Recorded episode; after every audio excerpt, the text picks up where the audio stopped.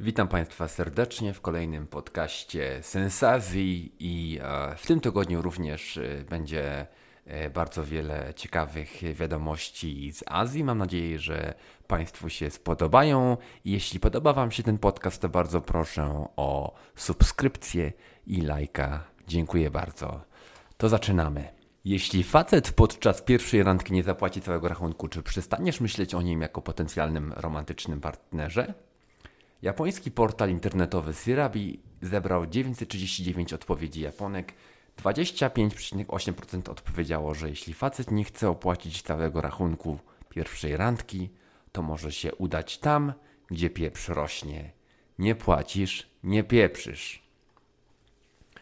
Zgodnie z tym tematem, chiński szpieg złapany w łóżku z amerykańskimi politykami. Fang Fang albo Christine Fang przyleciała w 2011 roku do Stanów uczyć się na uniwersytecie. Mówi się, że od 2011 do 2015 roku miast nauką zaczęła się interesować amerykańskimi politykami. Dwóch burmistrzów miało romantyczne relacje z Fang Fang. Amerykańskie FBI przez elektryczny monitoring złapało ją podczas seksu z jednym z burmistrzów ze stanu Ohio w samochodzie. Będę brał cię w aucie, jak to się mówi.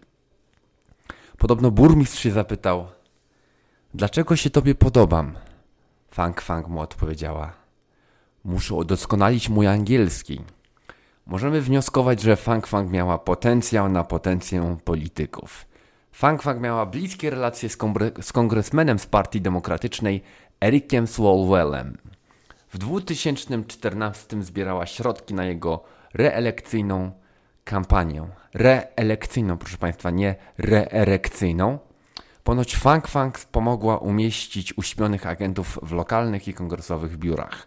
Kongresmen Eric Swalwell zerwał kontakty z Fang Fang w 2015 roku, kiedy FBI udzieliło mu wykład o Fang Fang. Fang Fang może być zapamiętana w Stanach jako fuck fuck albo jako wirus z rucham. Jak to mówił Sun Tzu, Trzymaj przyjaciół blisko, wrogów jeszcze bliżej. Po tym szybkim numerku będziemy kontynuować z liczbami. Trendy w międzynarodowej matematyce i naukach ścisłych opublikowały raport o 2019 roku. Przebadano matematykę i nauki ścisłe u czwartoklasistów z 59 krajów. To samo przebadano u ośmioklasistów z 39 krajów. Wyniki są następujące. Można było uzyskać maksymalnie w teście 1000 punktów wśród czwartoklasistów – Pierwsze miejsce Singapur, średnia punktów 625. Drugie miejsce Hongkong, średnia punktów 602. Trzecie miejsce Korea Południowa, średnia punktów 600. Natomiast wśród ośmioklasistów pierwsze miejsce Singapur, średnia punktów 616. Drugie miejsce Tajpej, Tajwan, średnia punktów 612. Trzecie miejsce Korea Południowa, średnia punktów 607. Jaki wynik uzyskali Polacy?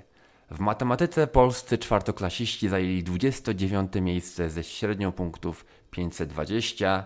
Brak informacji o polskich ośmioklasistach. Teraz przenosimy się do Korei Południowej, która zakupiła szczepionki, która zakupi szczepionki dla 44 milionów ludzi, czyli 85% populacji kraju. Rząd Południowej Korei ma budżet w wysokości 1,2 miliarda dolarów na zakup szczepionek przeciw koronawirusowi. Po 20 milionów szczepionek zostanie zakupionych od AstraZeneca, Pfizer i Moderny. 10 milionów szczepionek w ramach COVAX pod przewództwem Światowej Organizacji Zdrowia i 4 miliony szczepionek od Janssen.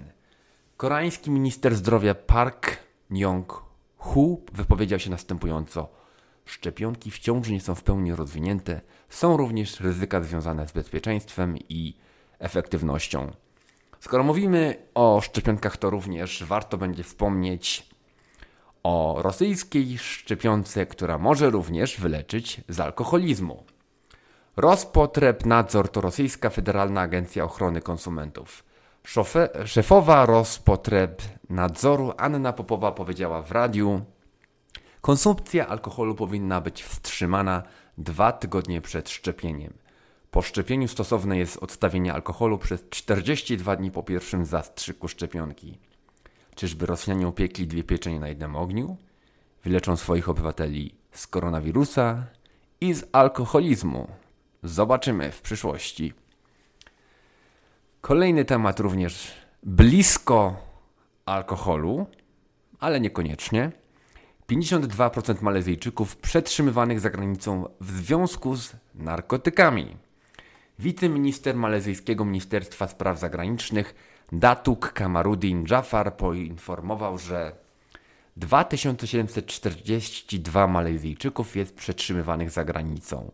1043, 1040, 1434 osób, czyli 52% za przestępstwa narkotykowe, 406, 15% za oszustwa, 132 osoby, to jest 5%, za fałszywe karty kredytowe, 89 osób, 3% za przestępstwa celne i najmniej 66 osób, 2% za przestępstwa imigracyjne.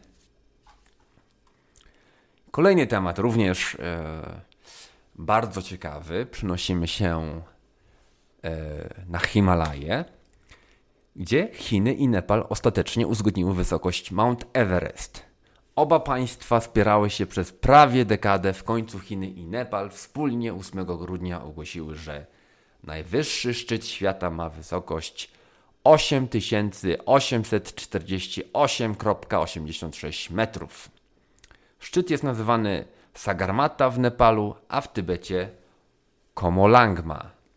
Nowa wysokość została zmierzona przez trzy metody: instrument poziomi, poziomujący, pomiar grawitacji i GPS.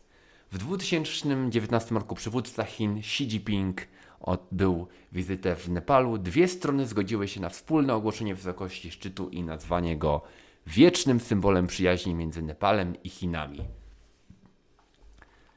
I kolejna wiadomość z Chin, to będzie ostatnia wiadomość dzisiejszego podcastu. Huawei razem z Megvi, czołową, czołową chińską firmą specjalizującą się w sztucznej inteligencji, testował system rozpoznania twarzy, który mógł rozpoznawać Ujgurów. Raport amerykańskiej firmy IPVM, która specjalizuje się w wideomonitoringu. Kamery, serwery i infrastruktura do obliczeń w chmurze Huawei zostały użyte z oprogramowaniem firmy Megvi. Sprawdzono kompatybilność sprzętu Huawei z oprogramowaniem rozpoznania twarzy Megvi. Została przetestowana funkcja, która się nazywa Ujgurski Alarm. I kolejną funkcją oprogramowania było, op, kolejna funkcja oprogramowania była w stanie zidentyfikować pochodzenie etniczne jako część analizy cechy twarzy. Huawei się wypowiedział, że ten raport jest wyłącznie testem i nie miał użycia w świecie rzeczywistym. Proszę sobie wyobrazić, co by było, gdyby Robert Lewandowski strzelił sobie fotkę swoim Huawei'em i wyskoczył alarm ujgurski. Dziękuję bardzo za uwagę i jeśli Państwu podobał się ten podcast, to bardzo proszę o lajka i subskrypcję. Życzę wszystkim miłego tygodnia i do usłyszenia w kolejnym tygodniu. Pozdrawiam serdecznie.